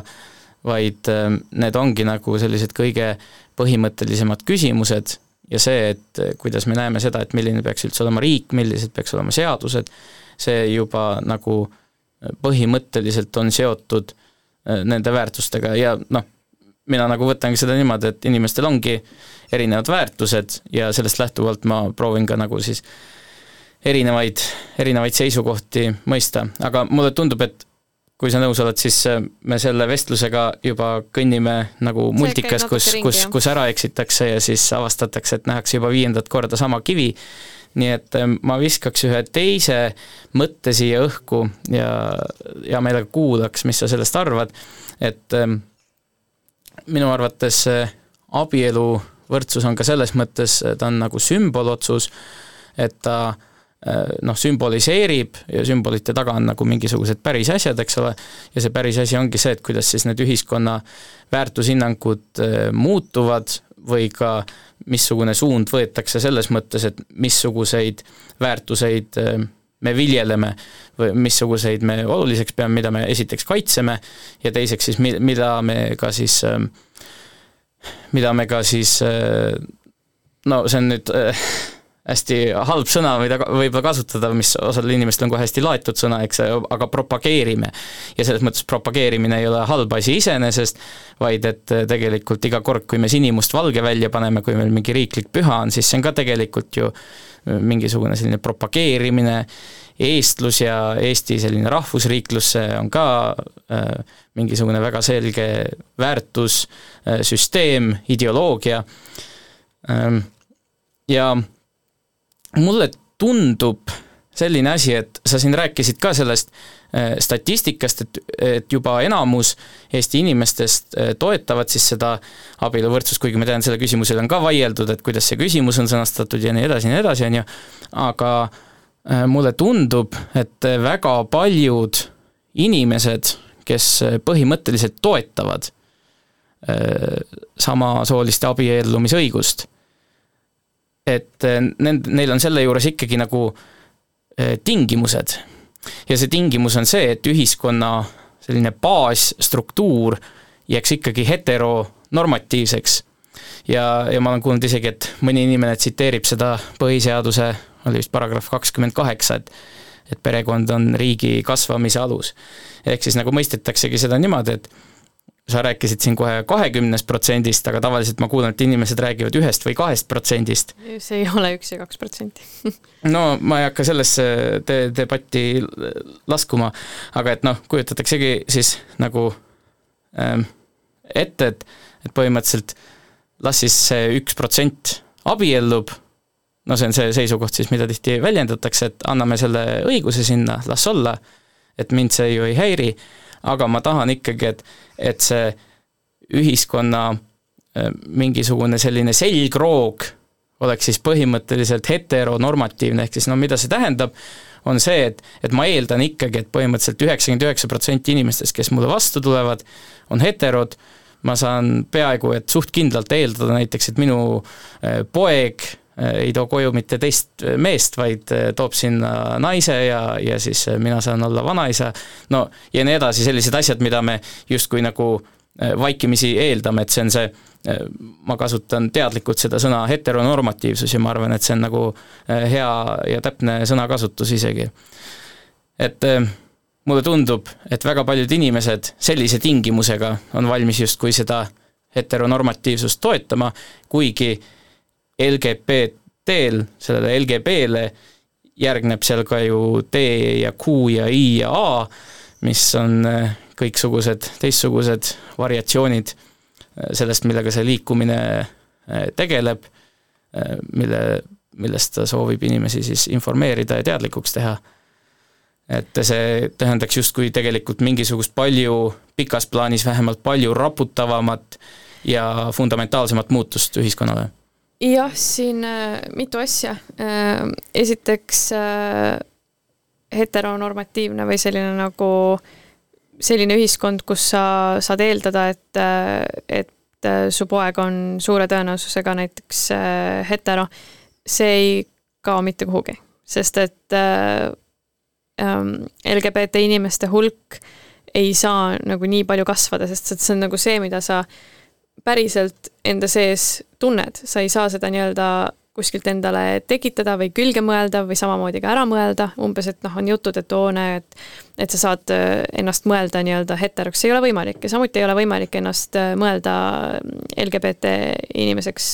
see, see ei käi lihtsalt nii, sa ei saa nende kahe asja vahel hüpata, sa sünnid kas ühena või teisena. Ja nii on, punkt sa võid äh, eksperimenteerida, sa võid mõelda, okei okay,, tunnetada, aga see, mis sul sügaval sees on, kuhu sa lõpuks, eks ju, jääd, see on, äh, see on sünniga määratud ja kõik.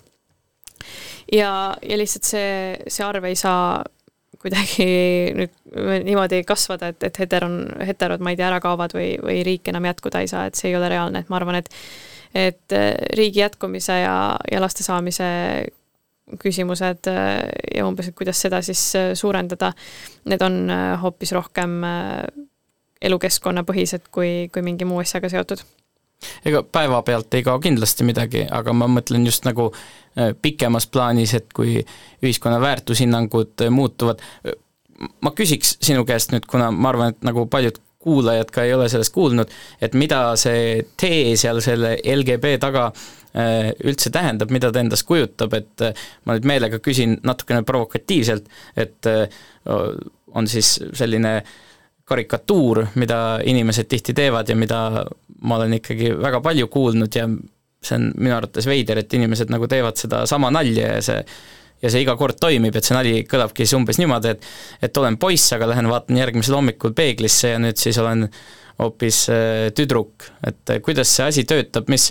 mis, mis, mis teema selle soo voolavusega siis üldse on, kas sa oskad seda seletada?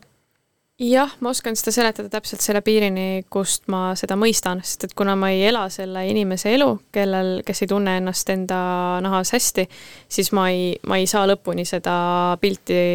ette manada, aga ma tean, et neil ei ole lihtne. aga kiirelt äh, ma hüppan veel tagasi lihtsalt selle juurde, et, äh, et kuidagi sa tegid sellesse teemasse sissejuhatust natuke nii, et ja seal on veel mõned tähed ja et äh, kuhu siis ühiskond vaikselt liikuma hakkab, et ma lihtsalt mainin ära, et minu jaoks selline nagu käsitlus, mida hästi palju ka meedias tehakse ja mida mida on, on kuulda poliitikutelt, et jaa, aga see on nüüd nii, et abieluvõrdsus, siis vaadake, seal on veel tähti ja pluss on ka taga, et kuhu ühiskond liigub. et see on mingi veider vorm äh, mingisugusest kollitamisest ja, ja inimeste kuidagi tundmatusega hirmutamisest, et see, see kindlasti ei ole midagi nii hullu, aga et nüüd sellepärast äh, kuidagi kartma lüüa, et, et äh, et see on natuke selline endale tekitatud hirm, et mingi aeg nägin äh, head äh, meemi, kus äh, nurgas oli, olid kaks last, kes hoidsid üksteisest kinni ja värisesid ja siis eemal oli pandud mingisugune koll või midagi. ja siis selle, äh, sinna värisejate peale olid kirjutatud konservatiivid ja siis see koll seal toanurgas oli, et asjad, mida ei juhtu. et nad kardavad justkui asju, mida, mis ei ole reaalselt, mida ei juhtu nagu. ma, ma oleks nõus, et see oleks slippery slope argument, slippery slope argument ongi see, et sa ütled, et näed, lumepall hakkab veerema ja paned kõik asjad sinna otsa, aga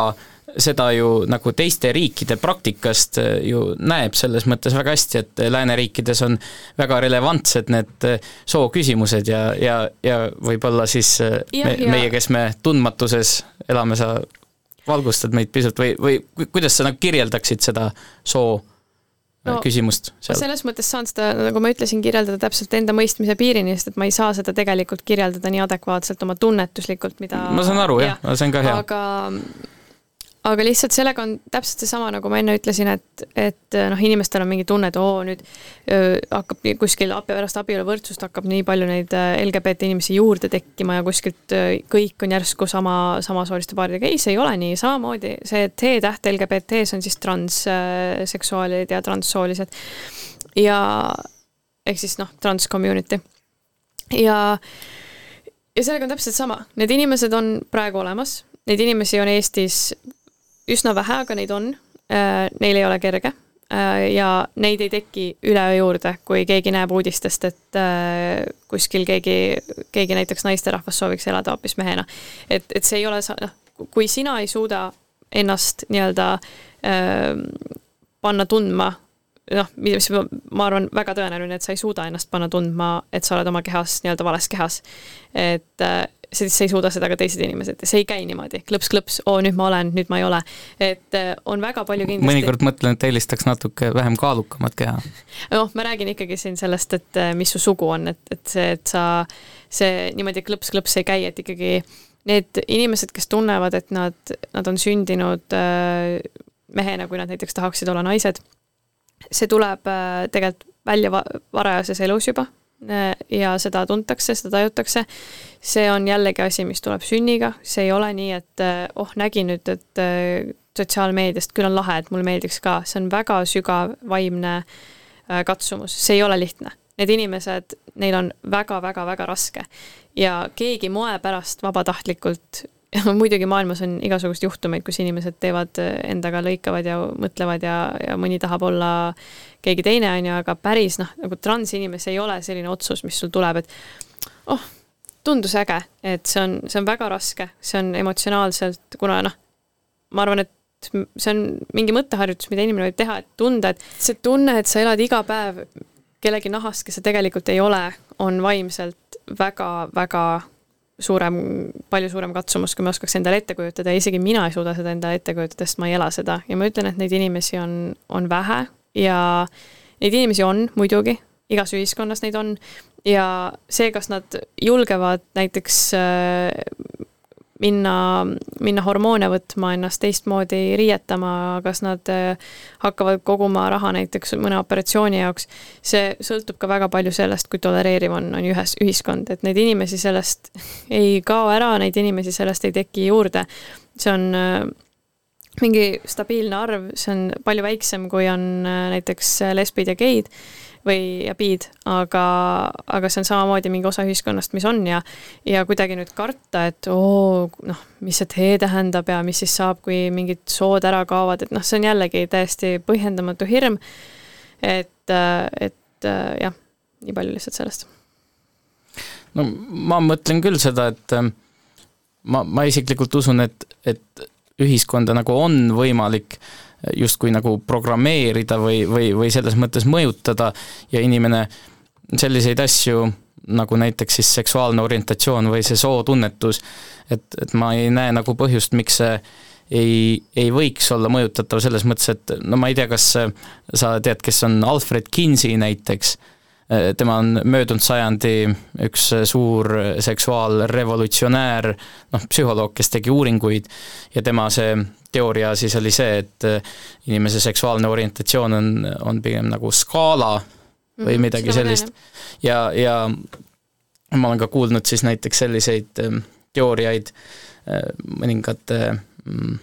LGBT äh, teadusinimeste poolt, et, et kõik inimesed on tegelikult äh, justkui tegelikult nagu biseksuaalid või, või noh, et see on nagu see ühiskond, mis, mis surub sind mingisugustesse raamidesse, aga tegelikult sa oled nagu võimeline noh, tundma või, või, või seda käitumismustrit siis muutma vastavalt mingisugustele erinevatele vastavalt mingisugustele erinevatele sotsiaalsetele teguritele. ja no näiteks, no ma toon ühe sellise näite, et, et, et see jutt nagu väga pikaks ei, ei mõjuks, siis äh, ei, ei läheks. et äh, näiteks sotsiaalmeedias on noortel selline trend, et Ähm, mis on siis psühhiaatrite ja psühholoogide õudusunenägu, nimelt äh, inimesed diagnoosivad ennast ise, äh, nad diagnoosivad ennast mm -hmm. igasuguste vaimuhaigustega, et kas jah, või autismi, autistiks või siis isegi skisofreenikuks või midagi sellist. ja mille tõttu, sellepärast et keegi teeb mingisuguse sellise toreda TikToki video, kus ta tantsib ja siis loetleb seal üles, et need on mu sümptomid ja see on mu elu autistina ja siis keegi teine mõtleb, et et eh, see räägib ju täitsa nagu minust, vaata. ja siis äkki ma olen ka ja siis noh, ta läheb sinna sisse nagu järjest rohkem ja ta õpib omale need käitumismustrid kuidagi kuidagi nagu selgeks ja hakkabki nagu rohkem niimoodi käituma ja selles mõttes ma arvan, et, et sotsiaalsete mõjutuste tõttu on eh, võimalik õppida erinevat käitumist ja ka hakata erinevaid eh, asju siis ihalema või, või, või tahtma. et äh, seda ma arvan küll, mitte et ma ei ütleks seda, et kindlasti on nagu neid inimesi, kes kes kasvavad täiesti sada protsenti heteronormatiivses ühiskonnas üles ja siis mingi hetk avastavad ikkagi, et nad on näiteks homoseksuaalsed, äh, ja, ja noh, siis see lihtsalt, lihtsalt on niimoodi, aga ma usun ka seda, et, et suur osa sellisest äh, ühiskonnast Äh, võib-olla siis just noorematest inimestest on kuidagi noh, nad suudavad rohkem õppida, äh, kohaneda äh, siis vastavalt vajadusele ja, ja omandada endale selliseid käitumismustreid ja sellele vastavalt ka mingisuguseid soove. ei no jah, alati on, on võimalik äh, olla kellestki või millestki mõjutatud ja, ja noored on enda meeldimiste ja stiilide ja asjadega eksperimenteerinud äh, nii kaua, kui me mäletame. aga see, ja isegi kui, kui noor võib, võib mõelda, et noh, et äkki ma olen, olen siin spektri peal siinpool või sealpool, siis lõpuks ikkagi see tema sisemine tundmus on ju, tõuseb esile ja, ja ja isegi kui, kui, kui noor tunneb, et ta tahab eksperimenteerida, katsetada, noh, selles ei ole tegelikult otseselt midagi halba, et sest et noh, ega need heteroinimesed ei kao ühiskonnast ära, neid sünnib sünnipäraselt täpselt samamoodi. ja, ja see juurprobleem siin on, on üleüldsegi sotsiaalmeedia kasutus laste seas ja ja, ja selline isediagnoosimine pole, pole ka minu arvates kunagi kellelegi tulemust toonud, et üks asi on see vaimuhaiguse, vaimu, vaimsete haiguste diagnoosimine, aga teine asi on see, et et sa tõesti mõtled võib-olla rohkem selle peale, et kes sa soovid olla, milline sa soovid olla, aga, aga tihti see on ka selline nii-öelda äh, mööduv, et äh,, et lõpuks sa ikkagi saad endast selle selguse ja, ja see, et noored sellistele asjadele mõtlevad või, või eksperimenteerivad, ma ei näe, et selles oleks midagi halba. et äh, nagu ma ütlesin, siis äh, sellest ei, sellest ei hakka eks-, eksponentsiaalselt nüüd äh, juurde tekkima LGBT inimesi aga see sooline identiteet on just, et kui me räägime, et noh, näiteks siis selle ATHT põhjal ikkagi me tahaks professionaalset hinnangut, keegi, kes siis eh, noh, selle hinnangu nagu päriselt annab, keegi, kes on spetsialist, eks, et eh, siis sooline identiteet eh, seal ju ei võetagi kuulda mitte mingisugust välja, väljaspoolset sellist nagu nõu, vaid, vaid see on ikkagi lõpuks täiesti nagu sinu enda paika panna või diagnoosida või kuidagi jah, see on see, mis su enda seest tuleb, kuidas sa ennast tunned ja kellena sa ennast tunned, aga enamasti see on ikkagi inimestel üks või teine. aga kas et, sa oled et, et siin, ma saan aru, et siin ühiskonnas üritatakse nagu tekitada mingisugust, mingisugust liikumist või hirmu umbes selles osas, et me kaotame nüüd sood ära ja kõik hakkavad ennast defineerima, kuidas nad iganes tahavad ja siis tuleb jälle mingid hunnik nagu ebaratsionaalseid argumente, aga aga mina arvan, et see on miski, milleks ei ole noh, näiteks jah, kui ma nüüd ütlen puhtalt, siis minu arvates, mina kui inimene, kes siin enda arvamust avaldab äh,, üksik, üksikisikuna esindades enda vaateid äh,, arvan ka, et, et me võiks vabalt tunnustada, tunnustada näiteks seda erinevaid sugusid või seda, et noh, erinevaid sugusid, see läheb ka väga laiaks, aga näiteks mina vabalt nagu tunnustaksin seda, kui keegi ütleb, et, et ta tunneb, et ta on non-binary ehk siis nagu, et ta ei ole mees ega naine. ja minul ei ole mitte mingi probleem seda tunnustada või et keegi on näiteks soov, tema sugu on, on voolavam. et aga ma tunnen, et, et ühiskonnana me ei ole selleks valmis ja, ja see ei pruugigi juhtuda, juhtuda ühiskonnaga, et kus kõik hakkavad äh, seda üheselt mõistma ja mõtestama ja ja kus see on kõigi jaoks äh, vastuvõetav, see võib olla väga pikkade aastate teema, kus, kus inimesed on nõus tunnistama, et on ka inim-, hulk inimesi, kes ei tunne ennast ei mehe ega naisena, nad tunnevad, et nad on non-binary. Ja non-binary sees on veel palju erinevaid äh, variatsioone ja, ja jah, jah, aga noh, võtame selle, selle non-binary, see, et mis seal nagu non-binary sees on, see tegelikult nagu äh, inimesi, selles mõttes mingit tavainimest oma elus nagu nii väga ei või mõjuta, et võtame lihtsalt selle non-binary klassi, nagu me võtame üldiselt, võtame, eks ju, on LGBT, on ju, et siis noh, sa võid neid üksikuid sealt lugeda, aga see on ikkagi selline katustermin. et samamoodi on see non-binary ja, ja noh, ma arvan, et see mingisuguse skepsise ja hirmu tekitamine seoses, seoses mittepinaarsete inimeste ja nende nüüd mingi järsu tuleku ja kõik, kuidas kõik peavad hakkama kõigi sugusid õigesti tunnistama, et ma arvan, et see on ka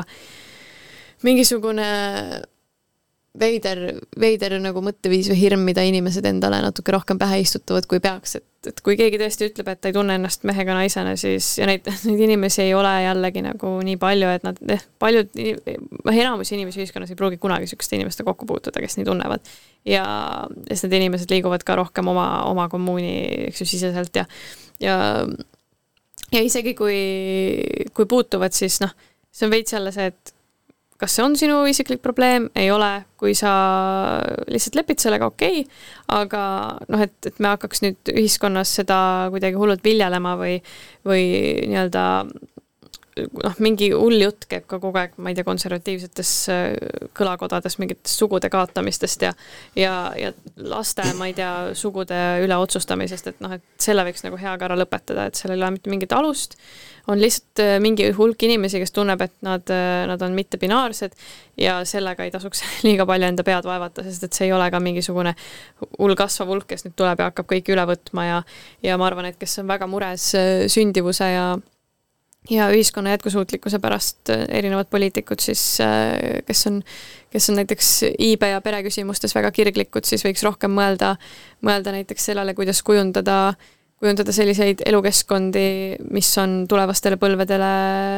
nauditavad, hea kodu lähedal lasteaed, taristu, kliimamuutustega tegelemine, kõik sellised küsimused, mis päriselt äh, panevad inimesi tahtma, tahtma, eks ju, lapsi saada, et et see, et kuskil on, on mingi hulk inimesi, kes, kes ütlevad, et nemad on LGBT või, või mittepinaarsed, siis siis äh, ma arvan, et see ei ole kindlasti see, ma ei tea, küsimus, mille me peaks võtma ühiskonnas äh, nüüd äh, nii eksistentsiaalse, eksistentsiaalsust ohustavaks, et jällegi kogu see, kogu see mm, mingisugune hirm ja üles keerutatud teema selle mittepinaarsuse ja asja üle, et need inimesed on olemas, neid inimesi tasub samamoodi hoida, nad kuuluvad äh, ka sinna tihtipeale siin kväärkogukonda, LGBT kogukonda. ja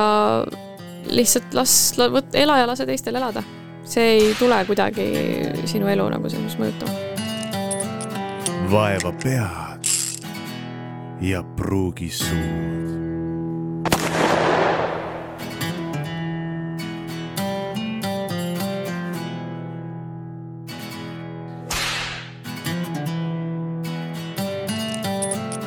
Vaeva pead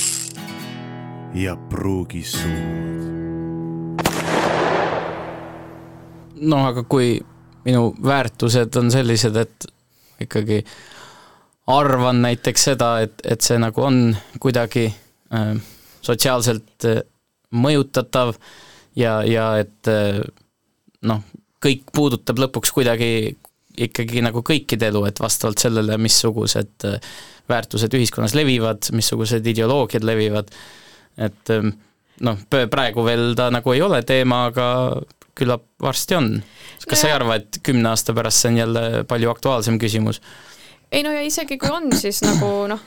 ma ei tea, oletame, et ühiskond siis triivib sellest kaugemale ja, ja võib-olla rohkem äh, oletame, et äh,, et äh, selle asemel, et liikuda siis kuidagi progressiivsemas suunas, me hakkame minema äh, minema siis nii-öelda ajas tagasi, et äh, tunnistame ainult traditsioonilist perekonda, siis noh, me oleme siinsamas saates võib-olla mingi viisteist aastat hiljem ja me, ja me arutame selle üle, kuidas, äh, kuidas mina arvan, et, äh, et kristlikud väärtused, umbes, et ma ei taha, et neid keegi minule nagu peale suruks ja, ja selles, ma ei tea,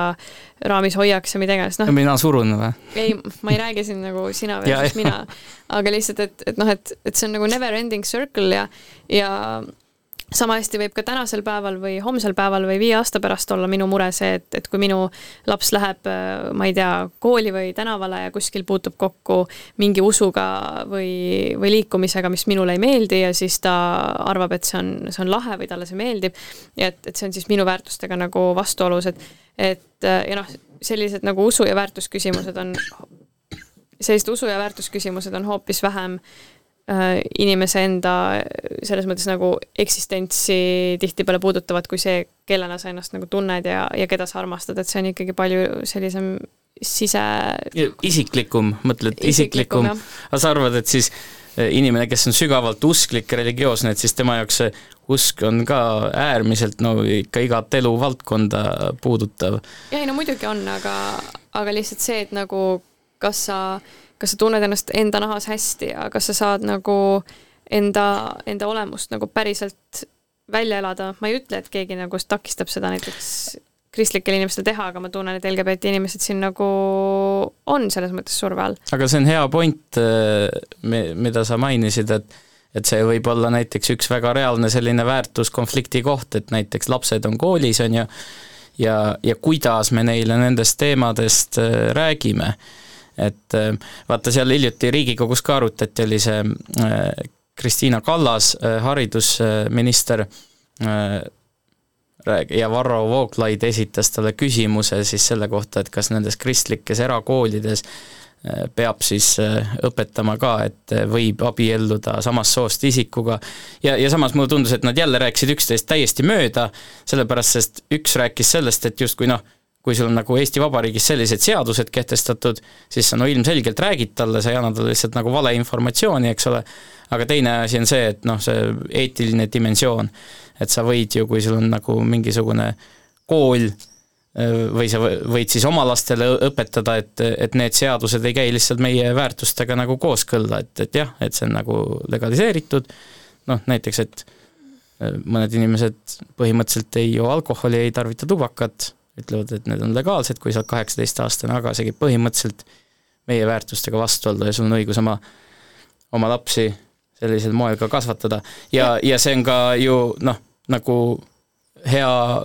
koht, kus see väärtuskonflikt võiks tekkida äh, siis nagu koolis näiteks, et, et lapsed on selline tundlik teema, et kuidas ja, räägitakse ja, ja. koolis neile LGBTQ teemadest. jaa, aga esiteks on see, et, et ma ei tea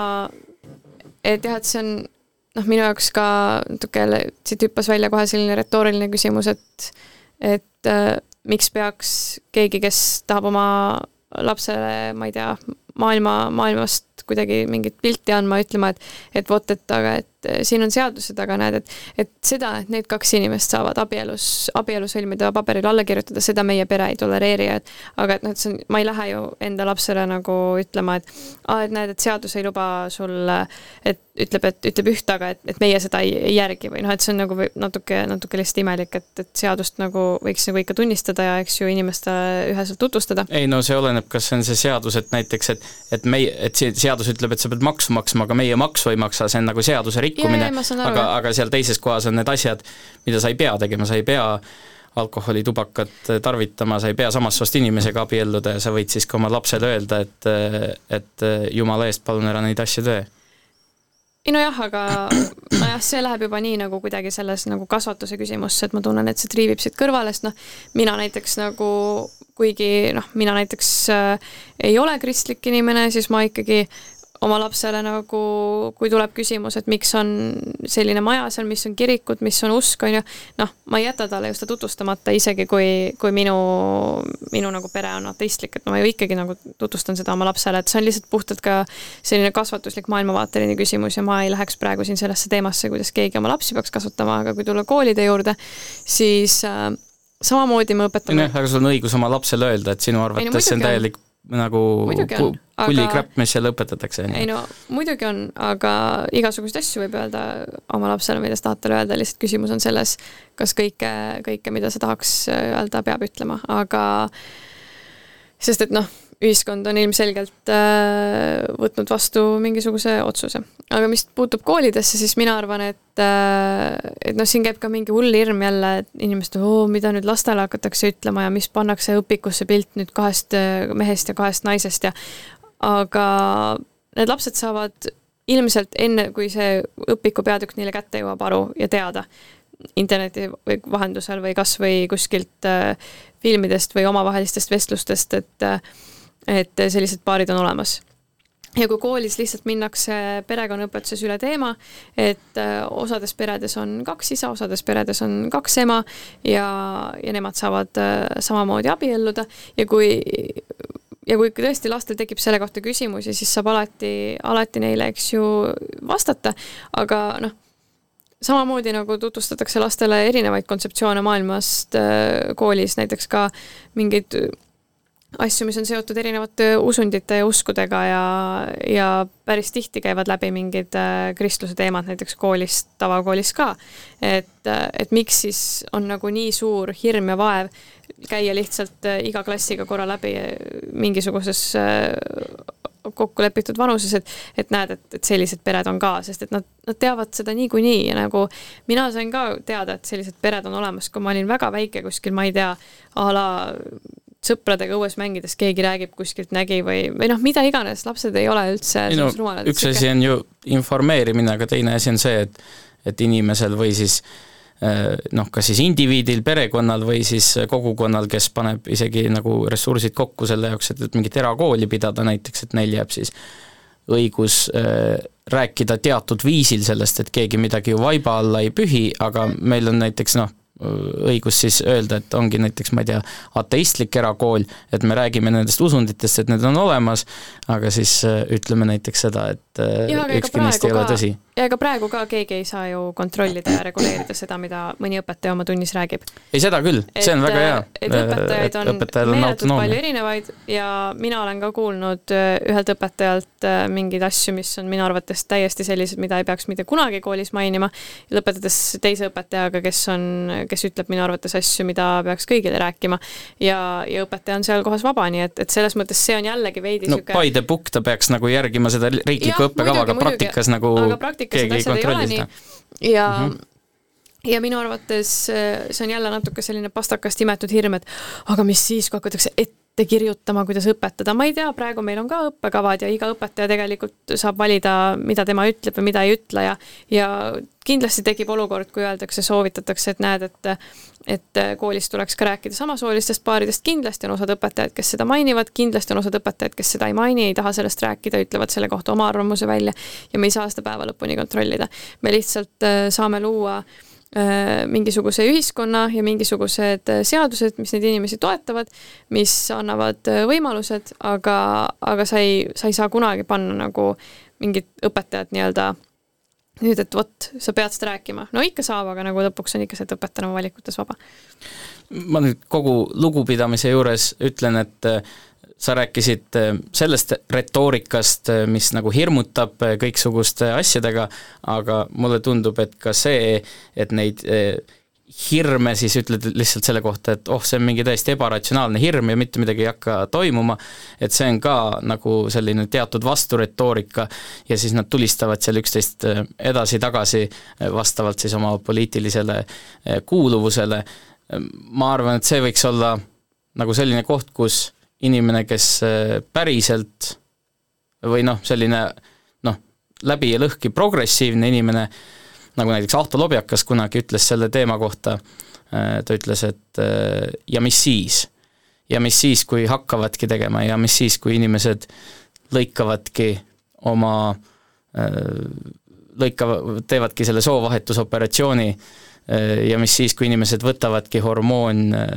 mingisuguseid ravimeid sisse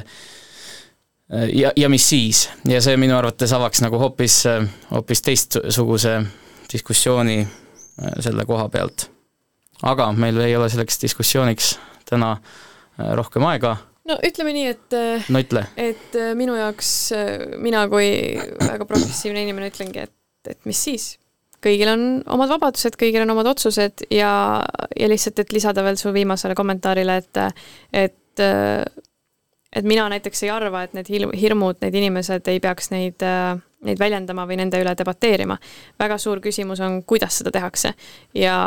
ja mis on see, see ruum, kus, kuhu maale ollakse valmis mõistma, kui, kas inimene on, on selles kogu diskussioonis äh, avatud ja, ja viisakas või, või mitte ja, ja ma arvan, et, et teavitustöö ja inimestega suhtlemine, inimeste küsimustele vastamine, mida mina võin alati hea meelega teha, ma olen väga palju sellistest teemadest rääkinud, lihtsalt mingist piirist on, on see, kus ma tunnen, et, et ke, keritakse mingit narratiivi, mis tegelikult ajab inimesi noh, mingi asja peale väga põlema millel, millel tegelikult ei ole alust ja ma arvan, et on ka väga õige seda välja öelda, kui, kui keegi hindab, et, et hirm on tekitatud nagu tühja koha pealt, sest miks kerida ühiskonnas paanikat, meil on niigi väga palju äh, probleeme ja suuri murekohti, mis inimesi vaevavad. et äh,, et mina nagu väga austan seda, kui inimestel on, on küsimused, kui kellelgi on, on mured ja nendega, neile tuleb vastata, nendega tuleb rääkida, neid ei tohi jätta omaette, neid asju nii-öelda ilma kellegi, kellegagi konsulteerimata nii-öelda kuidagi marineerima, on ju. aga lihtsalt mingist piirist tuleb ka tõdeda, et, et mingid narratiivid või, või jutupunktid äh, on ülepaisutatud ja ma arvan, et see on ka väga aus kommunikatsioon. no mingid narratiivid ja jutupunktid on kindlasti üle, ülepaisutatud, aga ma arvan, et ähm, ka teiste riikide ja ühiskondade praktikast on näha, et äh, mingisugustel sellistel hirmudel on väga äh, põhjendatud alused ja, ja minu arvates see diskussioon oleks palju parem siis, kui räägiks sellest asjast endast, et kas seda, sellist asja üldse peakski kartma või mitte. aga jah, ja ma arvan ka, et, et mingisuguseid äh, probleeme ja teemasid, mis on kuskil teises ühiskonnas aktuaalsed, ei peaks meile liialt äh, importima. ei noh, ütleme nii, et aga see on juba eraldi uus teema. On kindlasti jah, et ähm, seal on kindlasti mingisugused sellised äh, protsessid, mis on ühiskondades nagu analoogsed äh, ja, ja selles mõttes teiste riikide praktikast saab, äh, saab õppida alati, aga ma arvan, et sellega tõmbamegi siis tänase saate kokku. Ja Eliise, aitäh tulemast, võtmaks vaevaks vestelda. Ja aitäh kutsumast ja kindlasti hea meelega arutlen veel sinuga siin ja inimestega igal pool mujal ka, mulle võib kirjutada, ma võin teiega ka arutleda ja, ja kindlasti soovin kõigile sellist mõistmist, teise poolega suhtlemist, argumentidega tutvumist ja, ja rahu, mõistmist ja, ja armastust nii et Palju kõik, kõik võivad Elisele kirjutada oma suuri armastusavaldusi. noh, ütleme nii, et kellel on ikka küsimus, siis ma hea meelega vastan, aga jääme ikka viisakateks. vaeva pead ja pruugi suud.